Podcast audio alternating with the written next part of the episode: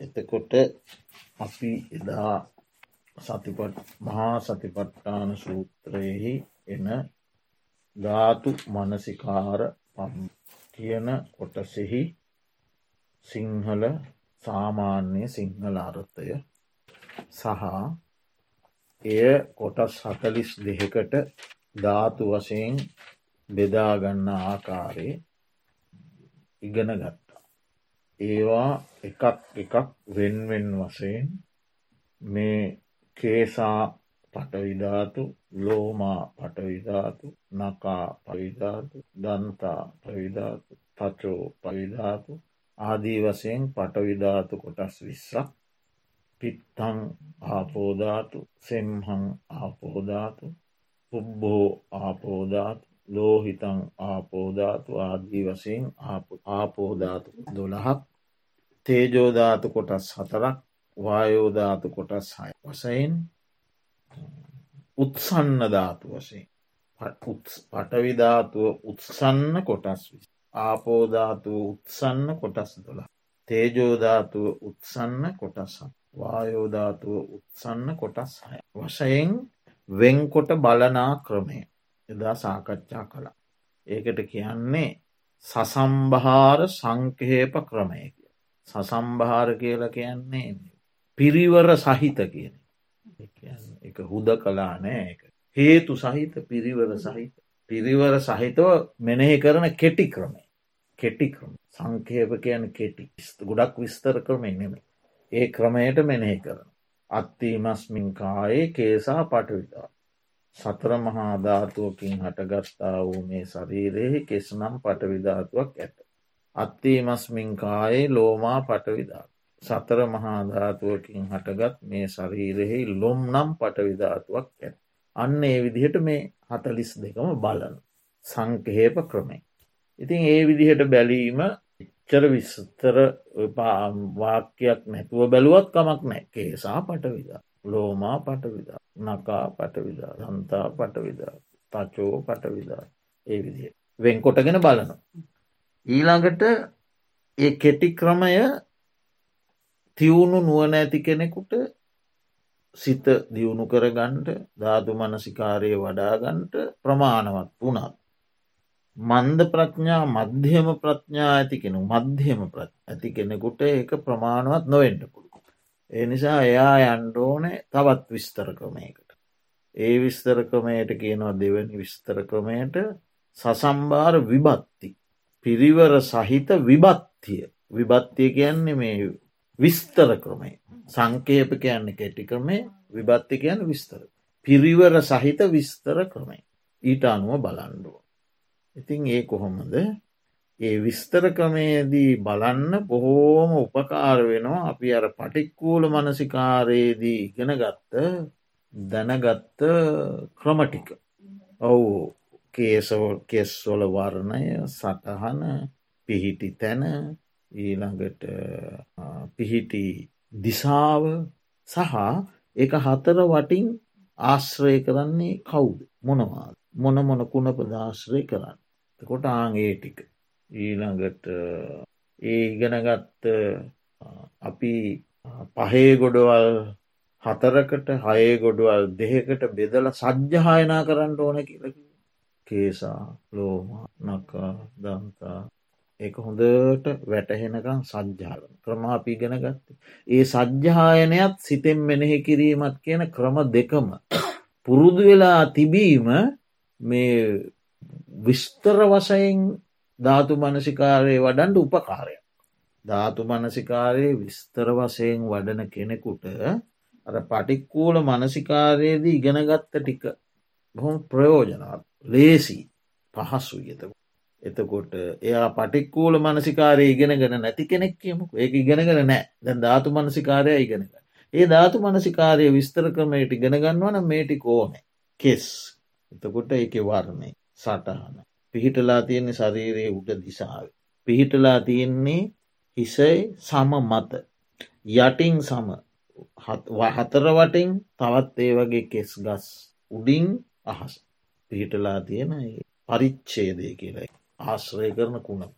ඒව ඉගෙන ගණ්ඩුව. එතට කෙස් පීටලා කෙස් කේසා කියනකොට මේ මේ ටික සාමාන්‍යයෙන් මේ සංඥාවෙන්ඩෝ ලෝමා කියනකොට මේ අතුල් පතුල් හැර ශරීරයේ සෙසු තැන්වල මේ අපි හම මත ඒ සංඥාව හඳුනා ගැනීම තියෙන් ඕන සාම එතවට නකා කියනකොට මේ අත්තැගිලි පායගිලි අග සිහියට ෂනිකව එක එනවා එක පුරුදුනාම අමුත්වෙන් මහන්ස්වෙන්ට දෙයන්නේ ෂනිකව එනවා දන්තා කියනකොට මේ උඩුවෙන්දේ යටියන්දේ මේ ආකර වටයට තවත් දත් එක්ක ගැටිලා විදුරු මසාස්සේ මෙහෙන් දිව කෙලසෙම ආදිය තැවරිලායි ඒක ඒක මනසිකාරයට එනවා.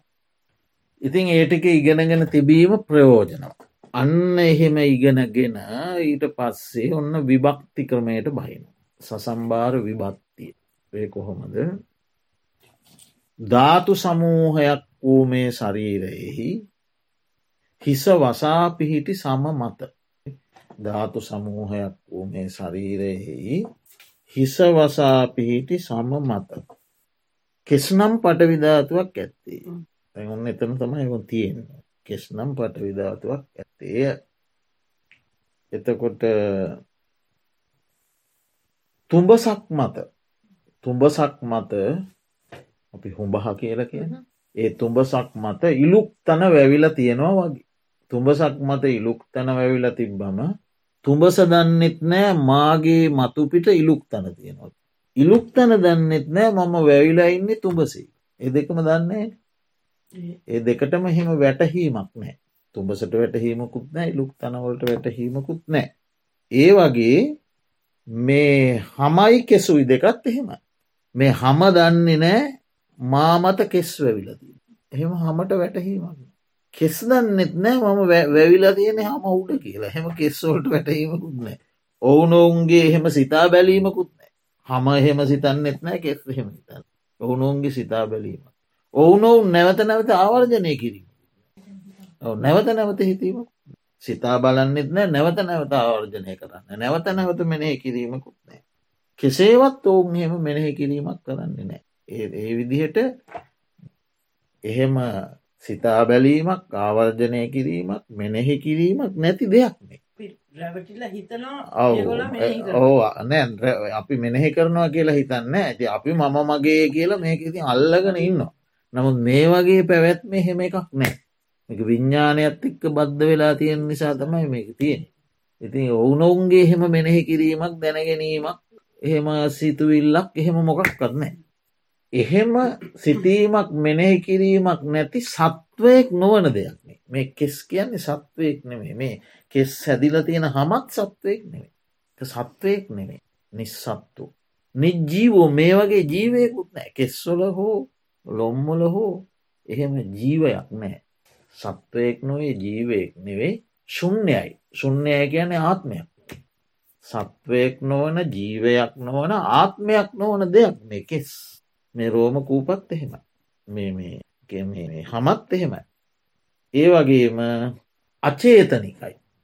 ඒ ඒ හමට හෝ ඒ කෙස්සොලට හෝ සිතුවිලි නෑ. චේතනා නෑ චේතන හට ගන්නවද කෙස්සොල් හිත් චේතන හට ගන්න සිතේ මිස කෙස්සොල හට ගන්න අචේතිනකයි. අව්‍යාකෘතයි කෙස් කියන්නේ කුසලයකුත්න මේ අකුසලයකුත්නේ කුසල් අකුසල් දෙකට අහිතත් නෑ. මේ හමත් කුසල්ල කුසල් දෙකට අයිති නෑ. ඒවා ඇති විඤ්ඥානයත් එක් ඒව බද්ධ වෙලා. මේ වගේ එතකොට සත්වයෙක් නෑ පුද්ගලයෙක් නෑ ආත්මයක් නෑ. ඒ වගේම කුසලයක් නෑ අවියාකෘතයි. ඒ කියන කුසලයක් නෑ අචේතනිකයි චේතනාවක් නෑ. චතු සමුත්තානික. චතු සමුත්තානික කියෙන් කර්මචිත්ත ඉත්තු ඉරුතු ආහාර හතරෙන් තමයි මේක පැවැතිගෙන යන් කර්මයන්ගෙන් සිතෙන් ඉරුතුූන්ගෙන් ආහාරයන්. ඒ හතර තුළින් මේක පැවතේගෙන යනවා. ඔවු ඕ කර්මචිත්ත එත්තු. ඉරුතු ආහාර. ඒ හාමුදුරනේ දැන් මේ හතර හතර අපෙන් දා ඔව් ඉතින් මේවයි පැවැත්විරයි. කර්මචිත්ත යුතු ආහාර. ඒවගෙන් ඒකනේ චතු සමුට්ටානික. චතු සමුට්ටානික. ඊළඟට තද්ධාකාරයි තදගතියෙන් යුක්ත පටවිනි. මේ කෙස් ගැන අපි කිව්වේ. මේක මේ තුඹසක් මත ඉලුක් තැන වැවිලා තියෙනවාගේ වැඩක්.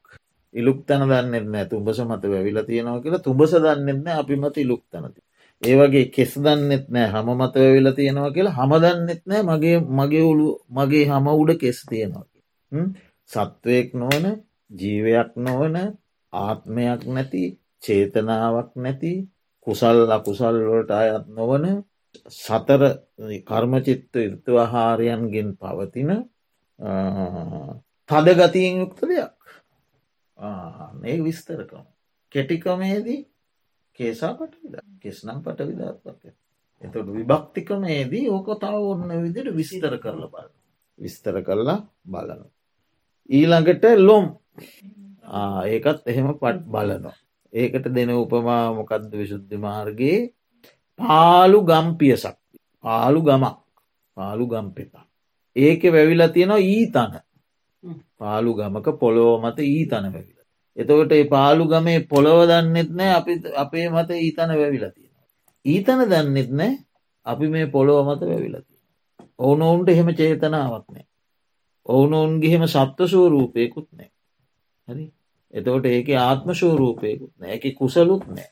චේතනාවකුත් නෑ ආනේ වගේ දෙයක්.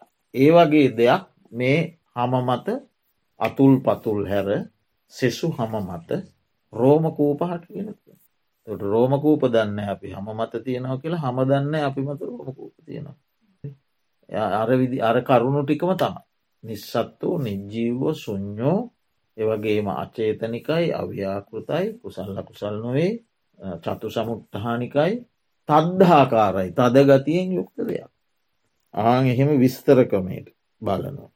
ඊළඟට නියපොතු. නියපොතු. නියපොතුවලට තියෙන්නේ මොකක්ද උදාහරණය. ගම්මොල දරුවෝ. ගම්මොල ඉන්න ළමයි මී ඇට විදලා මී ඇට මී ඇට විදලා කෝටු කෑලිවල අමුණාගෙන ක්‍රීඩා කරන. මීයට කෝටුවක මෙහෙම අමුණලා ක්‍රීඩා කර. එතවල මේ කෝටුවක අමුණපු මී ඇටයක් වගේ මේක. නියපුත්.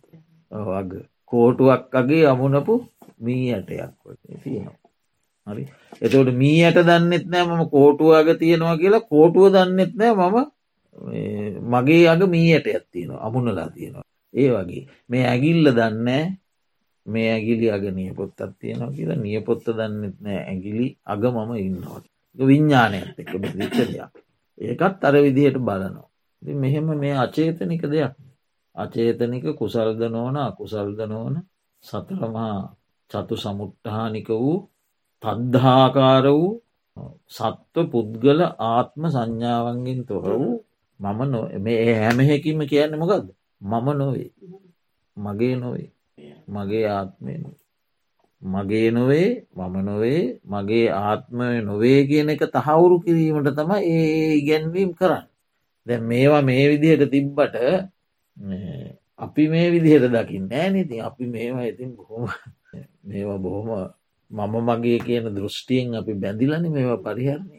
ඒ දෘෂ්ටි කඩන්න මේ. අර ගවයා මේ ගවයා මරලා මස් කරලා දැන් තියෙන මේ මස් කරනවා ගවයා. දැන් තියෙන්නේ මේ මේ ඔක්කෝම එකට එකතු කරගත්ත මම කියන සංඥාවක් මේ කෙස්ලොම් නිය දත්න සම්මස් මේ සියල්ල එකට එකතු කරගත්ත එකට බැඳුන මම කියන සංඥාවක් දැන්තිය. ඒ සංඥාව කඩන්න මේ විවිධ ක්‍රමවේද උගන්නනවා. නියපොතු. ඊළඟට දත් ගල් වඩුවෝ එකන්නේ ගල් වැඩ කරනයි ගල් කඩන ගල් වඩුව ඒ ගල්වඩුවෝ ගල්වලවල්වල ලාටු ඒ කාල හැටියට ලාටු ගාල ඒ ලාටුවල කණු හිටවනවා. මෙම කණු පේලවල් හිට ලාටු ගාල. ඒ වගේ කියන. ගල්වලක ලාටුගා හිටවු කනුවගේ මේ දත්. ඒත් අර විදිහට බලනවා. සත්ව පුද්ගල නොවේ කියලා. තද්දාකාර විදිහයට රිස්සල්ලා කියපු ඒව නැවති කියන්න ඒ විදිහට බලනවා. ඊළඟට සම. සම. වීනාවක් තියෙනවා. වීනාවක් වාදනය කර. ඒ වීනාව වහල තියෙනවා තෙත් වූ හරක් හමකින්. ගෙරි සමකින්. තෙත් වූ ගෙරි සමකින් වහල තියෙන වීනාවක් වගේ. වැඩකට නැති දෙයන්නේ නගති බැරුව බැරුවෙන් පස්ස මේ හමෙන් දම්ප දොයිතයකට ඩත්තින එන වෙන සතෙකුගේ හමන්නන් ගැන බෙරයක් කරිගහන්න ගන්න නේද? වාදන බාණ්ඩයක් කර නිපදවන. කිසිම වැඩක් නෑ වැඩක් නෑ කියන එක මේ තහවුරු කරන්න මේ. එතකොට මේ ආන් වීනාවක් ඒම වහලා තියෙනවා වගේ වීනාව දන්නෙත් නෑ මං වහල තියන්නේ ගෙරිහමකින් කියල. ගෙරිහම දන්නෙත් නෑ මං වීනාවක් වහගෙන ඉන්නවා කිය. ආන්න ඒ ක්‍රමයට බලන්න කිය. ඊළඟට මස්. කටු මැටි ගැසූ බිත්තියක ගසපු මැටි වගේ. වරිත් පැඳලා ඒ හරි නූල්ලොලින් වෙල්ලලා වරිච්චි කනු හිටවලා ඒවන් නූලින් කෝටු බැඳ ඉට පස්සේ දැනකට කටු මැටික දැ මේ මේ කටු මැටි වරිච්චි කනුවගේ තම මේ ඇට සැකි මේ ඇට සැකිල්ල එකින් එක සම්බන්ධ වෙලා නහරවලින් බැඳලතිය වරිච්චි බැඳූ ගයක්. එතකොට දැන් ඒකට ගහපු මැටි තමයි මේ මස්. එතකොට මස් දන්නෙත් නෑ. අපි මේ ඇටකටු හාගෙන ඇටකටු සහ නහරවාගෙනන්නවා කියලා නහර සහ ඇටකටු දන්නෙත් නෑ. අපි වහගෙන ඉන්නේ මස් කියලා. අචේතනික චේතනාවෙන් තොරයි. එකත් අර විදියට බලනවා. ඊළඟට නහර. කේසා ලෝමා නකා දන්තා තචෝ මන්සං ටස නහර. නහාරු නහර. ඒක බිත්තියක හිට වූ වරිච්චි කෝටු.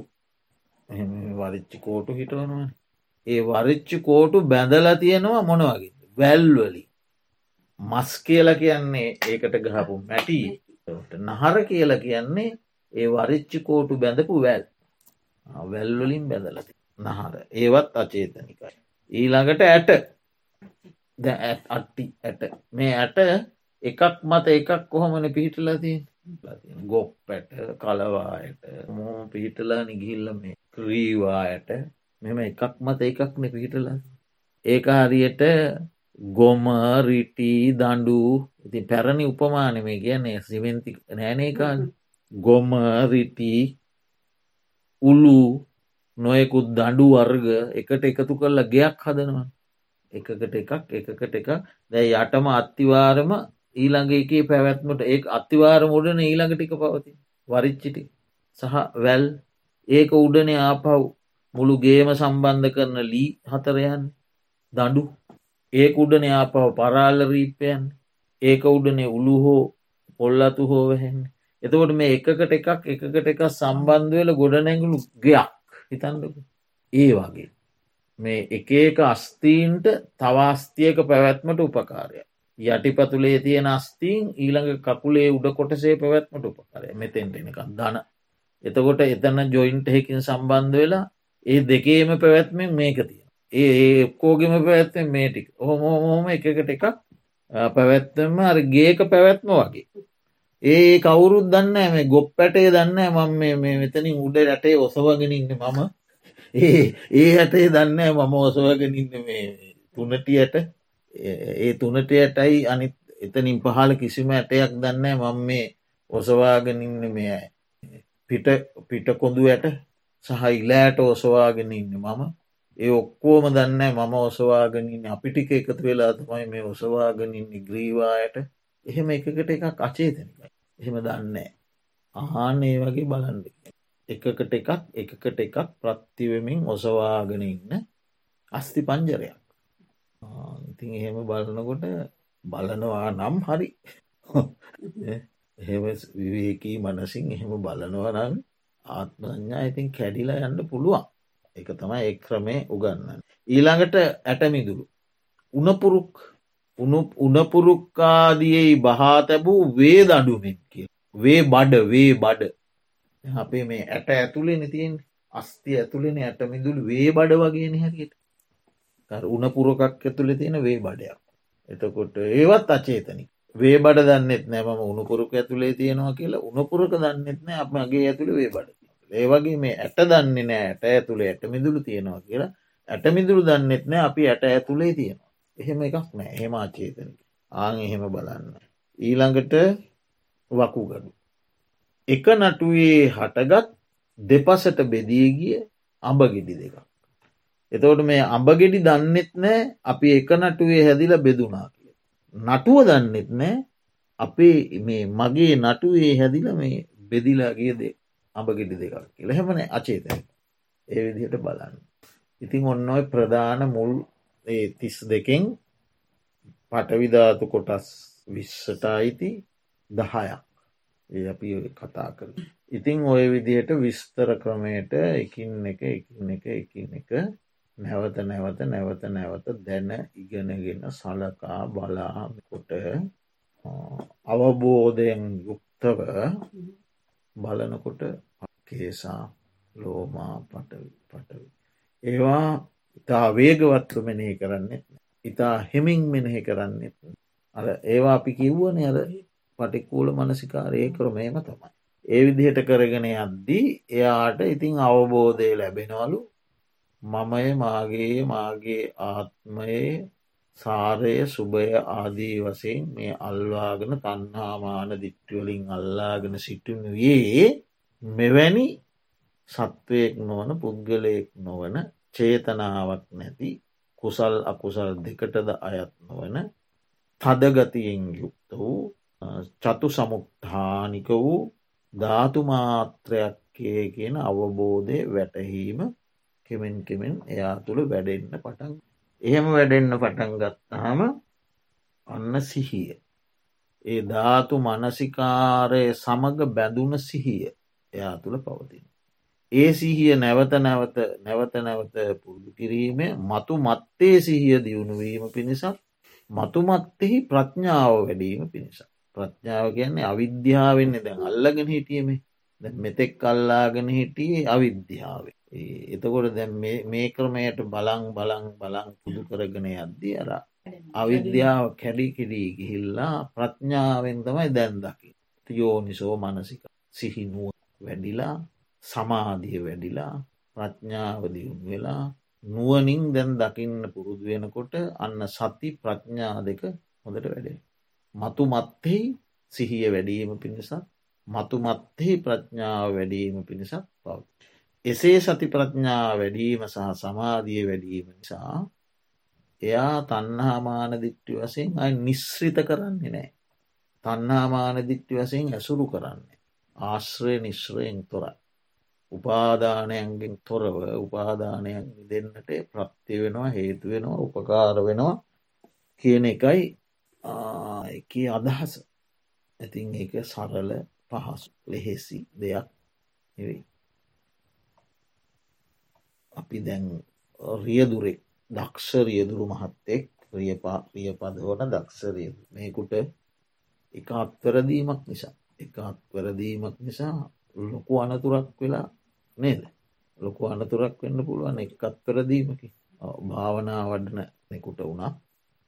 ඒ භාවනා වඩන කෙනාට කියන යෝගාවචරයා කියලා. ඒ යෝගාවචර භික්ෂුවක් වේවා ගිහිෙක් වේවා. අයෝනිසෝ මනසිකාරය. නිසා එයාට එක නිමේශයක ඇතිවෙන හැමෝටම හෙම වෙනවා කියලා කෙනෙකුට හෙම වෙන්න පුළුව එක නිමේශයක ඇතිවෙන අයනස මනසිකාරයෙන් කෙනෙක් සම්පූර්ණයෙන් ඒ යෝග කරමය විදෙන්ටත් ඉඩ තියෙන ඒ ධ්‍යානලාබීම් පිරිවුණා කියන තැන්වල තියෙන ඒක ධ්‍යානයන්ගෙන් පිරිවුණා කියන තැන්වල්. දෙන් ධ්‍යායනශු මනසිකාරයාව ඒකට යට වුණ. අරපු අධ්‍යාත්මික ගමන එහෙම්ම කඩාගෙන හෙම්ම කඩාගෙන වැටුව. හැබැයි ආපහු එයාට ඒක තේරුම් අරගෙන මෙහෙම වනේ මේ අයුන්ශය මනසිකාරය නිසා මේමයි කියලා ආපහු ධර්මාකූලෝ තේරුම්ගෙන අය ගොඩ එන්නත් පුළුවන්. නොත් මෙහෙම අනතුරකුත් තියෙන. ඒ නිසායි ලේසි නැත්ති.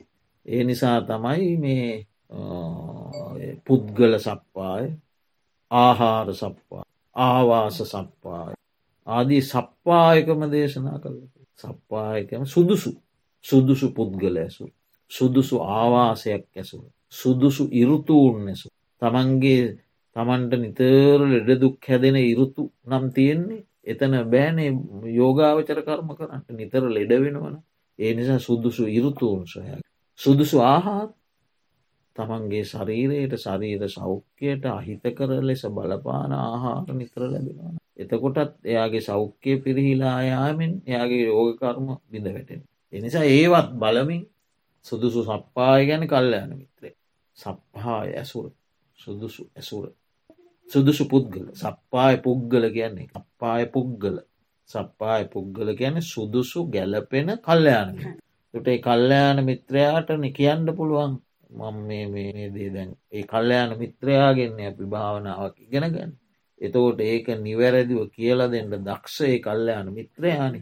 එතෝට මට ඒ භාවනා කර්මයේදී යම් ගැටලුවක් විමතියක් ප්‍රශ්නයක් ඇතිවුණු ඒක මට සාකච්ඡා කරන්න පුළුවන් කල්ලයන මිත්‍රය කිටියොත් ආනඒකට තමයි සප්පාය පුද්ගලක ඒ සප්පාය කරුණු සම්පූර්ණ කරගෙන ඉතින් කරගෙන යන්්ඩෝනේ එතකොට තමයි මේකින් ප්‍රතිඵල ලැබෙන් ඉක්මම් ප්‍රතිඵල් ලැබෙන්නේ. ඒව නැතුව ඉතින් අපිට සාමාන්‍ය ජීවිතේ අනිත් වැඩ කරන ගමන් මේ අත් අපේ භාවිතයට නගාගැනීමත් වරදක් නොවේ. එකින් බොහෝ කුසල් වැඩෙනවා. බොහෝ කුසල් අත්පත් කරගන්න පුළුවන්ගම ලැබෙන ඉතිං මේ විදිහට මේ තිස් දෙකටම මේ කරුණු තිස් දෙකටම තියෙනවා මේ උපමා තිස් දෙකක්. තියෙන විශුද්ධි මාර්ග හතලිස් දෙක. අටුව අටුව. බුදුරජාණන් වහන්සේගේ තව විස්තර කරපු ඔවු රහතන් වහන්සේලාම කියන්න බෑ අට්ට කතාචාරීම ඒ මග වඩපුවා කරන ලද අර්ථ දැක්වීම විස්තර. එතකොට හතලිස් දෙකක් තියෙනවා. ඒ හැම එහෙකින්ම කියන්නේ අර ටික තමයි. සත්වයෙක් පුද්ගලයෙක් නොවේ ආත්මයක් නොවේ අචේතනිකයි අව්‍යාකෘතයි චතු සමුට්ටානිකයි චතු සමුට්ටානිකයි අර විශ්ස තදගතියෙන් අනිත් වික්ෂ ආපෝ වැගිරෙන ගතියෙන් යුක්තයි. අනිත් හතර තවන දවන ගතියෙන් යුක්තයි අනිත් හය පුම්බන විස්ථාරණය වන ගතියෙන් වායුද. පුම්බන විස්ථාරණ ගතියෙන් දවන උණුසුම් කරන ගතිය.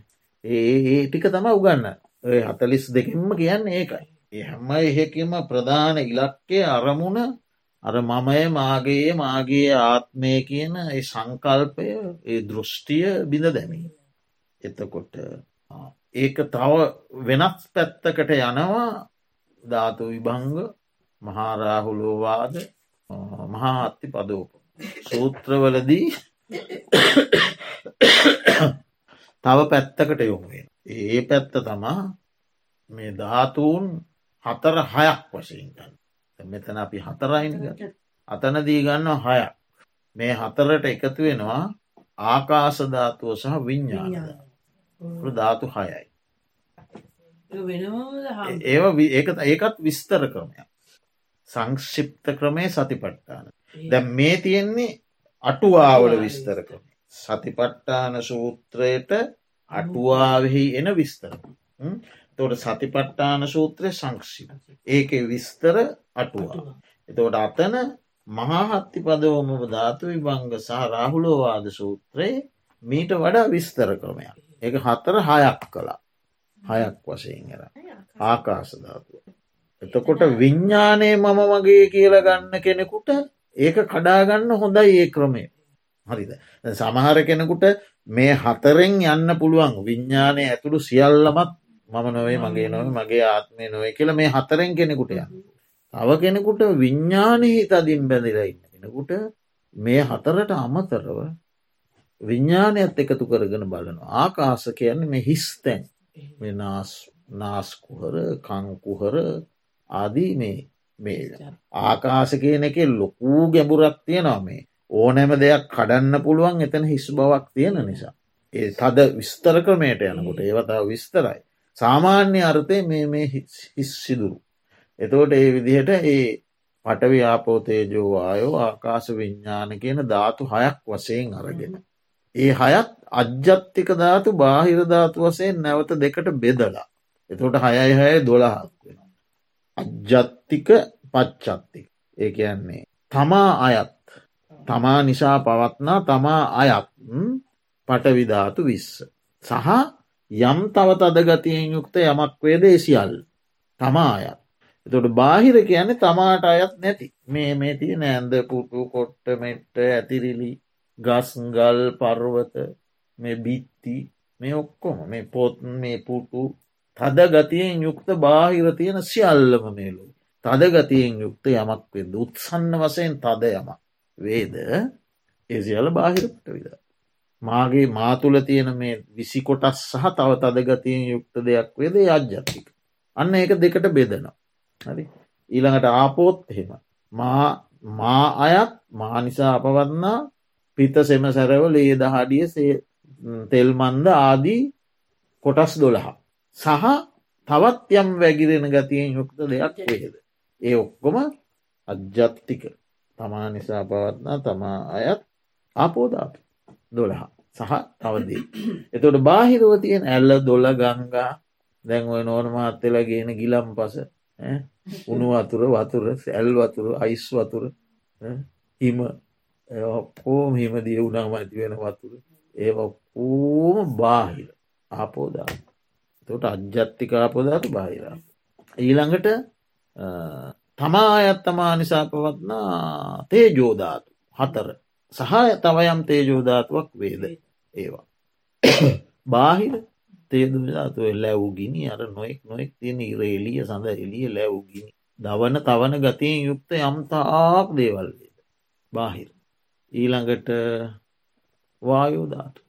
තමා නිසා පවත්නාව හය ආකාර වායෝධාතුව සහ යම් වායෝධාතුවක් වේ දේවත් බාහිරව තියෙන්නේ සුළං හමන නොෙක් නොෙක් නොෙක් නොයි වායෝධාත ඒවා. බාහිර. ලට ආකාස මේ නාස් සිදුරු කන් සිදුරු ආදී තැන්වල පවත්නා අවකාසේ ඉස්මා සහ පිටත පවත්නා ආකාශධාත විඤ්ඥාන එතෝට ආගේ විදියට අජ්ජත්තික බාහිර වශයෙන් බලලා ඒ අජ්ජත්තික අජ්ජත්තික ධාතුත් බාහිර ධාතුත් සියල්ල මගේ නොවේ මම නොවේ මගේ ආත්මය නොවේ කියල වටහා ගැනීමේ ක්‍රමය. ඒ විස්තරකම. එතැන්දි එකතු වෙන්න මොකක්ද තවධාතු දෙකක් සහ බාහිර වශයෙන් කළ අජ්ජත්තික බාහිර කියල දෙකකට. එතකොට නහාත්ති පදෝපම සූත්‍රයේ තවදුරටත් ඒ විස්තර වෙනවා මේ පටවිධාතුව කිපිල විනාස වෙන හැට ආපෝධාතුව කිපෙන හැටි තේජෝධාතුව කිපෙන හැල් වායෝධාතුව කිපෙන හැට කිපිලා දෙබර ගුලියක් ගුලි කරගන්ට තරංවත් පටවිධාතුවක් මේ ලෝකෙ ඉතුරු නොවන හැට ඇගිලි පුරුකක් තෙමා ගණ්ඩුවත් වතුරක් ඉතුරු නොවන හැටි. ඔය විදිේ මහා විස්තරාත්මක ක්‍රමයකට හත්ති පදෝපම සූත්‍රය මේ ධාතුූ ලිබඳ විස්තරක. ඒවත් ඉදිරියේදී ඉතිං ගෙන ගණඩ පුළුව සූත්‍ර වසේ. ඒ වගේමුත් කරන්නේ ඔය හැම්ම දේශනාවකින්ම කරන්නේ මේ. උඹලා හිතාගෙන හිටියන මේගේ ඇති මගේ කොමක් නෑ මම කෙනෙක් නෑ මගේ ආත්මයක් නෑ කියල කෙනෙක් කිය ඒකටම තමයි. මහාරාවුලවාද සූත්‍රයේදී රාවුල සාමීන් වහන්සේට ආනාපාන සතිය කෙසේ වඩන ආනාපාන සතියද මහත් පල වෙන්නේ ඇහුවම තමයි ඔය ආනාපාන සතියටත් මේ ධාතු මනසිකාරය එකතු කර ධාතු වනසිකාරය වඩන්න කිව්වා සුභ භාවනාව වඩන්නෙකුව මෛත්‍රය වඩන්න කිව්වා බුදුරජාණන් එහෙම දේශනාවක් තමයි මහාරාහුලවාසු. ධාතු විභංග කියල කියන්නේ ධාතුූන් කොටස් කර බෙදා පෙන් විස්තර කිරීම. ඉතිං ඒ කරුණු ආරණා පිළිබඳ එම මොනවද තව දැනගණ්ඩ තියෙන්. කර්ම චිත්ත ඉරුතු ආහාර.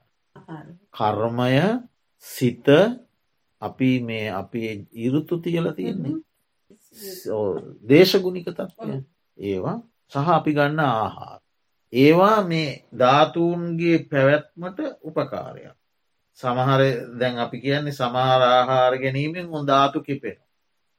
මම ඔස්ටිං යනකොට මේ අඹ මිශ්‍ර බීම එකක් වැළඳවා යන්තමින් සෙමගතිය තියෙති. අන්න මගේ සෙමකිපු. නාහාරෙන් ධාතු කිපෙනවා ධාතු සමනය වෙනවා. තොට ධාතුවන්ගේ පැවැත්මට කර්මය සිත ඉරුතු ආහාර හතරි. ට ගැන චතු සමුත්තා. තව මොනවද කතා කරන්න ඒ ගැන හන්ඩ ප්‍රශ්න තියනය. දැන් ඒ පිළිබඳව තවයිඉතිං විශුද්ධි මාර්ගයට එනකොට තව තව තව තව විස්තර ක්‍රම යනවා.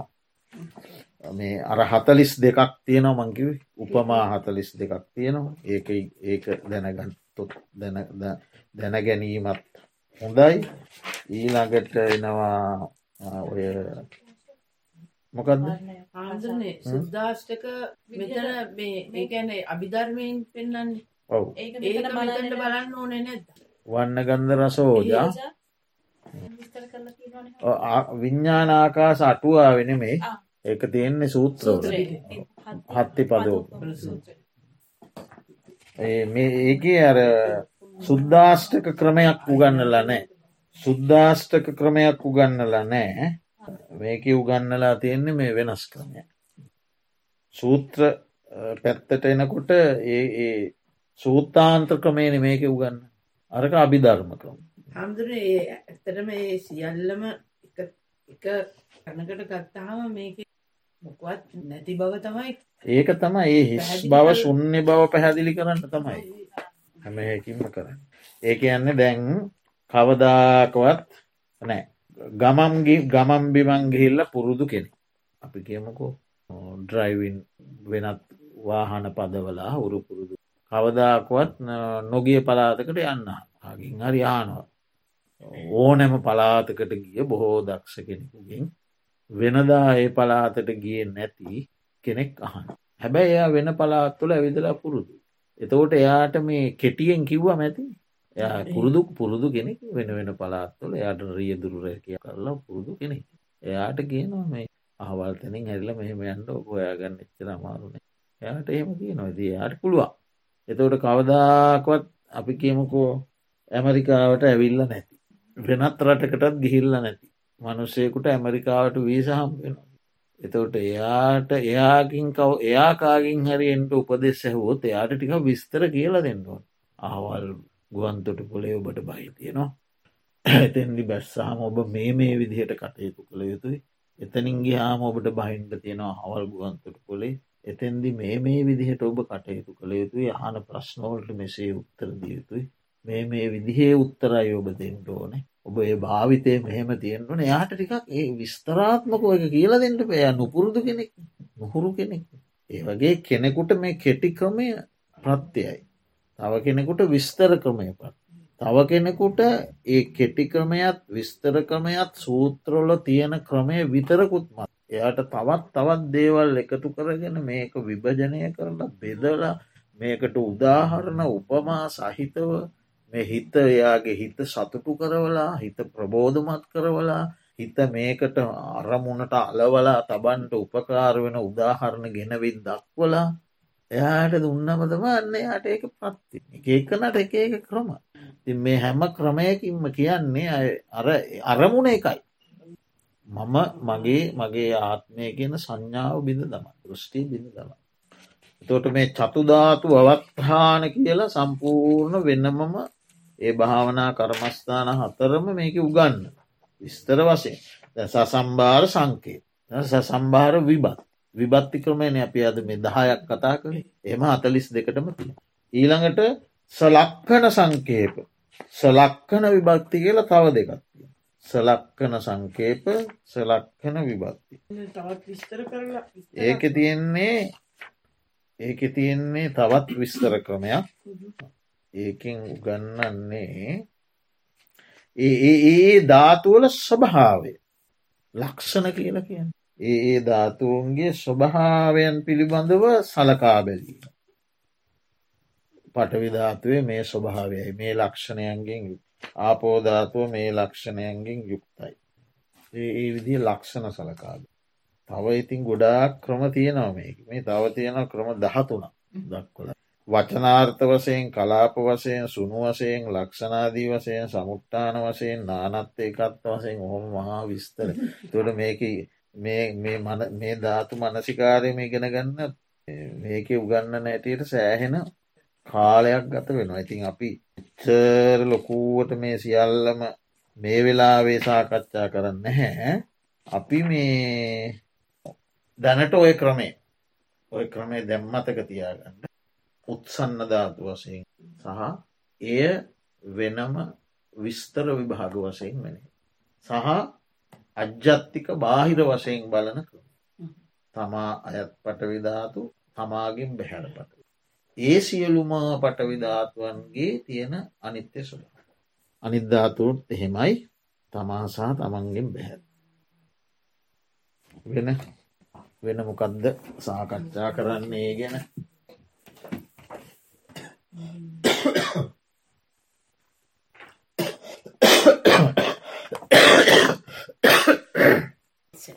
සම සම අද ටිකක්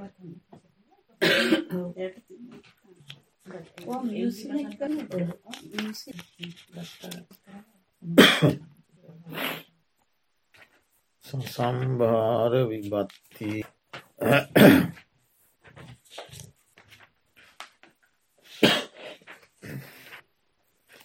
ඊළඟට කිවන අපි සලක්කන සංකේප කියලා. තුන්වැනි ක්‍රමේ. ඒක කියන්නේ මේ පටවිධාතු කියලා අපි ඉස්සල්ලා ගත්තනේ උත්සන්න වසේ කෙස් පටවිධාතුව එක උත්සන්න.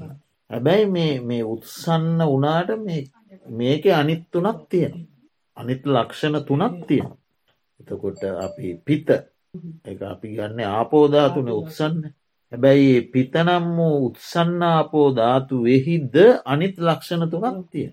අන්න ඒ ලක්ෂණ වෙන්කොට බලන්න. ඒ ලක්ෂණ වෙන්කොට සංක්ෂිප්තව බලන සලක්කන සංකේපකම. හරි කෙස්නම් වූ පටවිධාතුවෙහි යම් තද බවක් ඇත්තේද ඒ පටවිධාතු. යම් වැගිරෙන බවක් ඇත්තේද ඒ ආපෝධාත්. යම් උණුසුම් බවක් ඇත්තේද ඒ තේජෝධාත්. යම් හමන බවක් ඇත්තේද පිම්බෙන බවක් ඇත්තේද? ඒ වායෝධාත්. කියලා එක එක එක එක ධාතුන්හි ඒ උත්සන්න ධාතු වසයෙන් ගත්ත කොටස්වල හතරම තියෙනවා කියන අවබෝධය. එසේ බල ඒ සලක්කන සංකේප.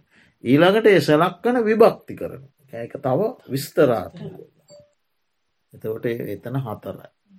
හතර ආකාරය. පටවිය අදගත්තී තිබුණා. ඕ ඒවා උත්සන්න නෑ. උත්සන්න තියෙනවා තිබුණට ඒවා උත්සන්නන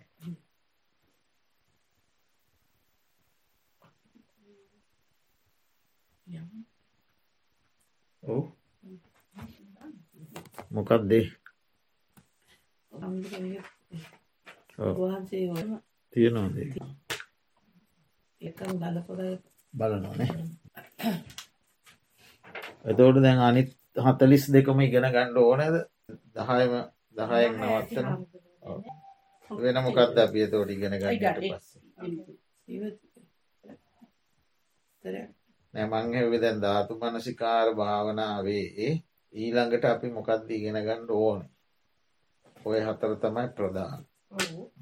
සසම්භාර සංකේප සලක්කන සංකේප සලක්කන සහ බාහිර අජ්ජාතික ඒටිකයි ආකාශ විඤ්ඥාන දෙක එකතු විස්තර කරන්නේ. සහ උපමා හතලිස් දෙහෙකින් මේක බෙදාවෙන්කි ඔය ටික තමයි තිය තොට දැම්මොනවාද තව ඉගෙන ගණ්ඩෝ ඒ ආශ්‍රිත අනි සූත්‍ර තමයි අයිතිය අර සූත්‍ර දේශනත් තුන. ධාතු විභංග මහාත්ති පාදෝපෝ මහාරාහුවා එතෝට මොකද කරන්න ඕනේ? ඒ සූත්‍රවලිමුත් ඉගෙන ගන්නවාද ඊළඟට මොකක්ද? නවසීවතික පා ගොඩත් දේවල් තියෙන කියන්න. නවයයි. කෙනෙක් කෙනෙක් මියගියාට පස්සේ ඒ ඒ මියගිය කෙනාගේ සිරුරේ සිදුවන වෙනස්කම්. මිය ගිහිල්ල දැන්නම් ඒ වෙනස්කම් වෙන්න දැන් බම් කර බේතක් විති ඒ වෙන්න ඉස්ස ඉස්සර කාල විදිහට මේ. ඉස්සර කාලේ මැරුණහම ගිල්ලා කොම්පිටියකට දානවා. අපිට මැරිලා ඒකා මතන්වා දවිය මතන්වා තිය මතයි දවසක්කෝ දවස් දෙකක්කෝ දවස්තු ගිල්ල ඉදිමුණ නිල්ලුන මලසිව ඉදිමෙනවා නිල්ලෙන ඊළඟට ඕජාවැගිරෙන මලසි ඊළඟට හිවලුම් විසින් හෝ කවුඩන් විසෝ ගිජුලිහිනියන් වෙනත් වෙනත් පානක ජාතීන් විසින් කනු ලබන මලසිව සේ තැන තැන ඇද දබා තිබෙන මලසි එහෙම තියෙන නවයක් අන්තිමට චුන්නක මනසික. සුණු බවට පත්ත ඇට ඇට සැකිල්ලක්වත් ඇට පවා සුණු වෙලාගේ සුණු බවට පත්වන මනස බලක් කපල බලන්න ගිල්ලදා ඈත සොහොනකට එතෝට මලසිරුරේ ස්වභාවයන් දැකලා ඒ ස්වභාවයන් තමන්ගේ ජීවිතයත් එක්ක සසඳනවා. දැ මෙයා මේ ඉදිමුණ නිල්ලුන මිනිසා මීට කලින් මා වගේ හිටිය මා වගේ අගමංගලා ආහාරගත්තා කතාබා කළ ඔබම ගියා ඉනා වුණා නොෙක් ජාති නොෙක් ක්‍රියාකාරකම් කළා තැන් එයා ඒව මොකුත් කරන්න තොට මමත් දැන් මේ කරන දෙ මේ දේවල් යෑමයිම් කෑමබීම් ගැනීම් ආදිය කලාට මමත් යම් දවසක මේ වගේ වෙන. මෙයා මං වගේ හිටිය මම මෙයා වගේ වෙන. කියලා ඒ දෙක සංසන්ධනාත්මකව බලන. ඒකෙන් කරන්නේ තිති මම මගේ ආත්මයන සංඥාව කඩනවා. ඒක නවසීකය ඒක බෝම හොඳ දෙයක් ජීවිත නිකහාන්තිය දුරුවෙන්. ජීවිතය කෙරෙහි ඇල්ම සහ වෙනත් බවවලන් බවයන් කෙරෙහි තියෙන ආශාව කිසිදු භවයක ඉපදුනත් මේකම සිද්ධියෙන් සිද්ධාන්තය මේකයි මොන භවයප එන බව ඇල්ම දුරුවෙන්. එතකොට මේ විවේක සෙනසුන්වල වාසය කිරීමේදී ඇතිවෙන නොයල්මක් තියෙනවනේ. විවේක සෙනසුන්වල හිත ඇලෙන්නේ ඇලෙන්නේ බොහෝ දෙනා ඉන්න තැන්වල වාසය. හිතේ ස්වභාවය. විවේක සෙනසුන්වල ඇලෙන්නේ මොන එහෙම හිතෙනවන. නොයල්ම කියන විවේක සෙනසුන්වල නොයල්ම හිත ඇලෙන්නේ එ නොයල්ම දුරුවෙනවා ඇල්ම වැඩෙනවා. විවේකය තවතව හොයන්දී හිත විවේකයට නැබුරුවෙන සීවතිකය බල්ලෙක් මැරිලා ඉන්නවා දැක්කත් නිකං තිරිසන් සගේ මලකුණ දැකළ වුණ. ආරම්භ කරන්න පුළුව ඔවු. වීදුරුවක් දාලා දොළුකන්දෙ වල තිබුණේ උඩට බටයක් දාලා. ඒ හිටපු උපස්ථායක මහත් ක්‍රිස්තියානි. කවුරුත්තයායට සලකණ්ඩේ එය ඇවිල්ල පන්සලේ වැඩ කරගෙන හිටිය. අපිට බෝ මොහොඳට සලකනවා ගයාම ගිලම්ප ඉතියා මැරුණම අනිත් ඥාතීන් හිටිය. ඥාතීල් කියලා මිනිිය ගත්තරකු මිනි පොළොවේ වලදාලා උඩින්ට බටයක් දාලා දවසින් දවස දවසින් දවස එන්න කුණුවෙන් අර බටේදික මැස්සට සීහන්ට දාලා කරම පනු ගුලක් මිනිහෙක් පේන්න ඇද මන්දවස පෝය වැඩ සටහන්ඩි තනිකර සිරි සිරිසි අර වීදුරුව හිට ඇවිල්ලයි ඒ ඇට සැකිල්ල තිල ඉට පස ඇට සැකිල්ල ගත්තා. ආං ඒ ඔක්කොම අයිති වෙනවා නවසීවිත ඒක නම් මම හරිම කැමති. තව ප්‍රශ්නයක් සල් මේක මගේ සිස්ටර් කිව්වා දවසක් මර බොරැල්ල කනත්ත ළඟ වලක් කපන අවකාවද එතන වලලන්න. ඒ වකසනකොට එයා මෙහෙම මේ සූට් එකක් පිරිමිමන් මෙහෙම කරලා ගත්තලු ඒක දිරලා නැහැලු. කරලයක් ගැසුවලු අර ඒ අර කියන වල කපන මිනිස්සයන්. ඒකෙ තිබුණ නැහැලු. එතනසෝ එම්බාම් කළා ශරීරෙ දිරලා යනවද? මේ ඇඳුම්ට වඩා ඉක්ම? එහෙම දිරන ඇතිනේ ඒ සූට් එක හිම්මම. මෙහෙම කරල ඒවා ඇති මේ කොහටවත්න මේ ශරීරය තුට්ටුවරත් වටින්න දෙයක් අල්ලගෙන ඉතින් මේ ඕවා සමාජයේ මතයක් තියෙනවා. ඕවා ජීවිතයේ කලකිරෙන දේවල් පිළිබඳව ගිහි ජනතාවට ගිහියන් කලකිරවන්ට ගිහි පැවිදි දෙපාර්ශවයම තියෙන එවෙන හාමුදුර සත්‍යාවබෝධයක් සම යථාර්ථය තුළ අපි ජීවත්වෙන් මම මම මේ මතය කියනවා කියන කියන්නේ. ඒ සමහර අය තුළ හෙම මතයක් බුදුරජාණන් වහන කාලේ බොහෝ ඔය යථාර්ථය යථාර්ථය අවබෝධ කළ. මාර්ගඵල ලැබුවන ජීවිතයේ ස්වභාවය දැක්කන ස්තීර බව අසාර බව. මේ අපි මේ හැම දෙයක්ම කරන්න හාමුදුරනේ. ඒකේ අවබෝධයට මිසක් කමින් වැඩන්න බුදුරජාණන් වහන්සේ සමාර අසුභ දේශනා ගිහි අයත් තේරුම් ගැන හිටියා කියන එක පේනවන අපිට මේ දාචය චරිත කතාව.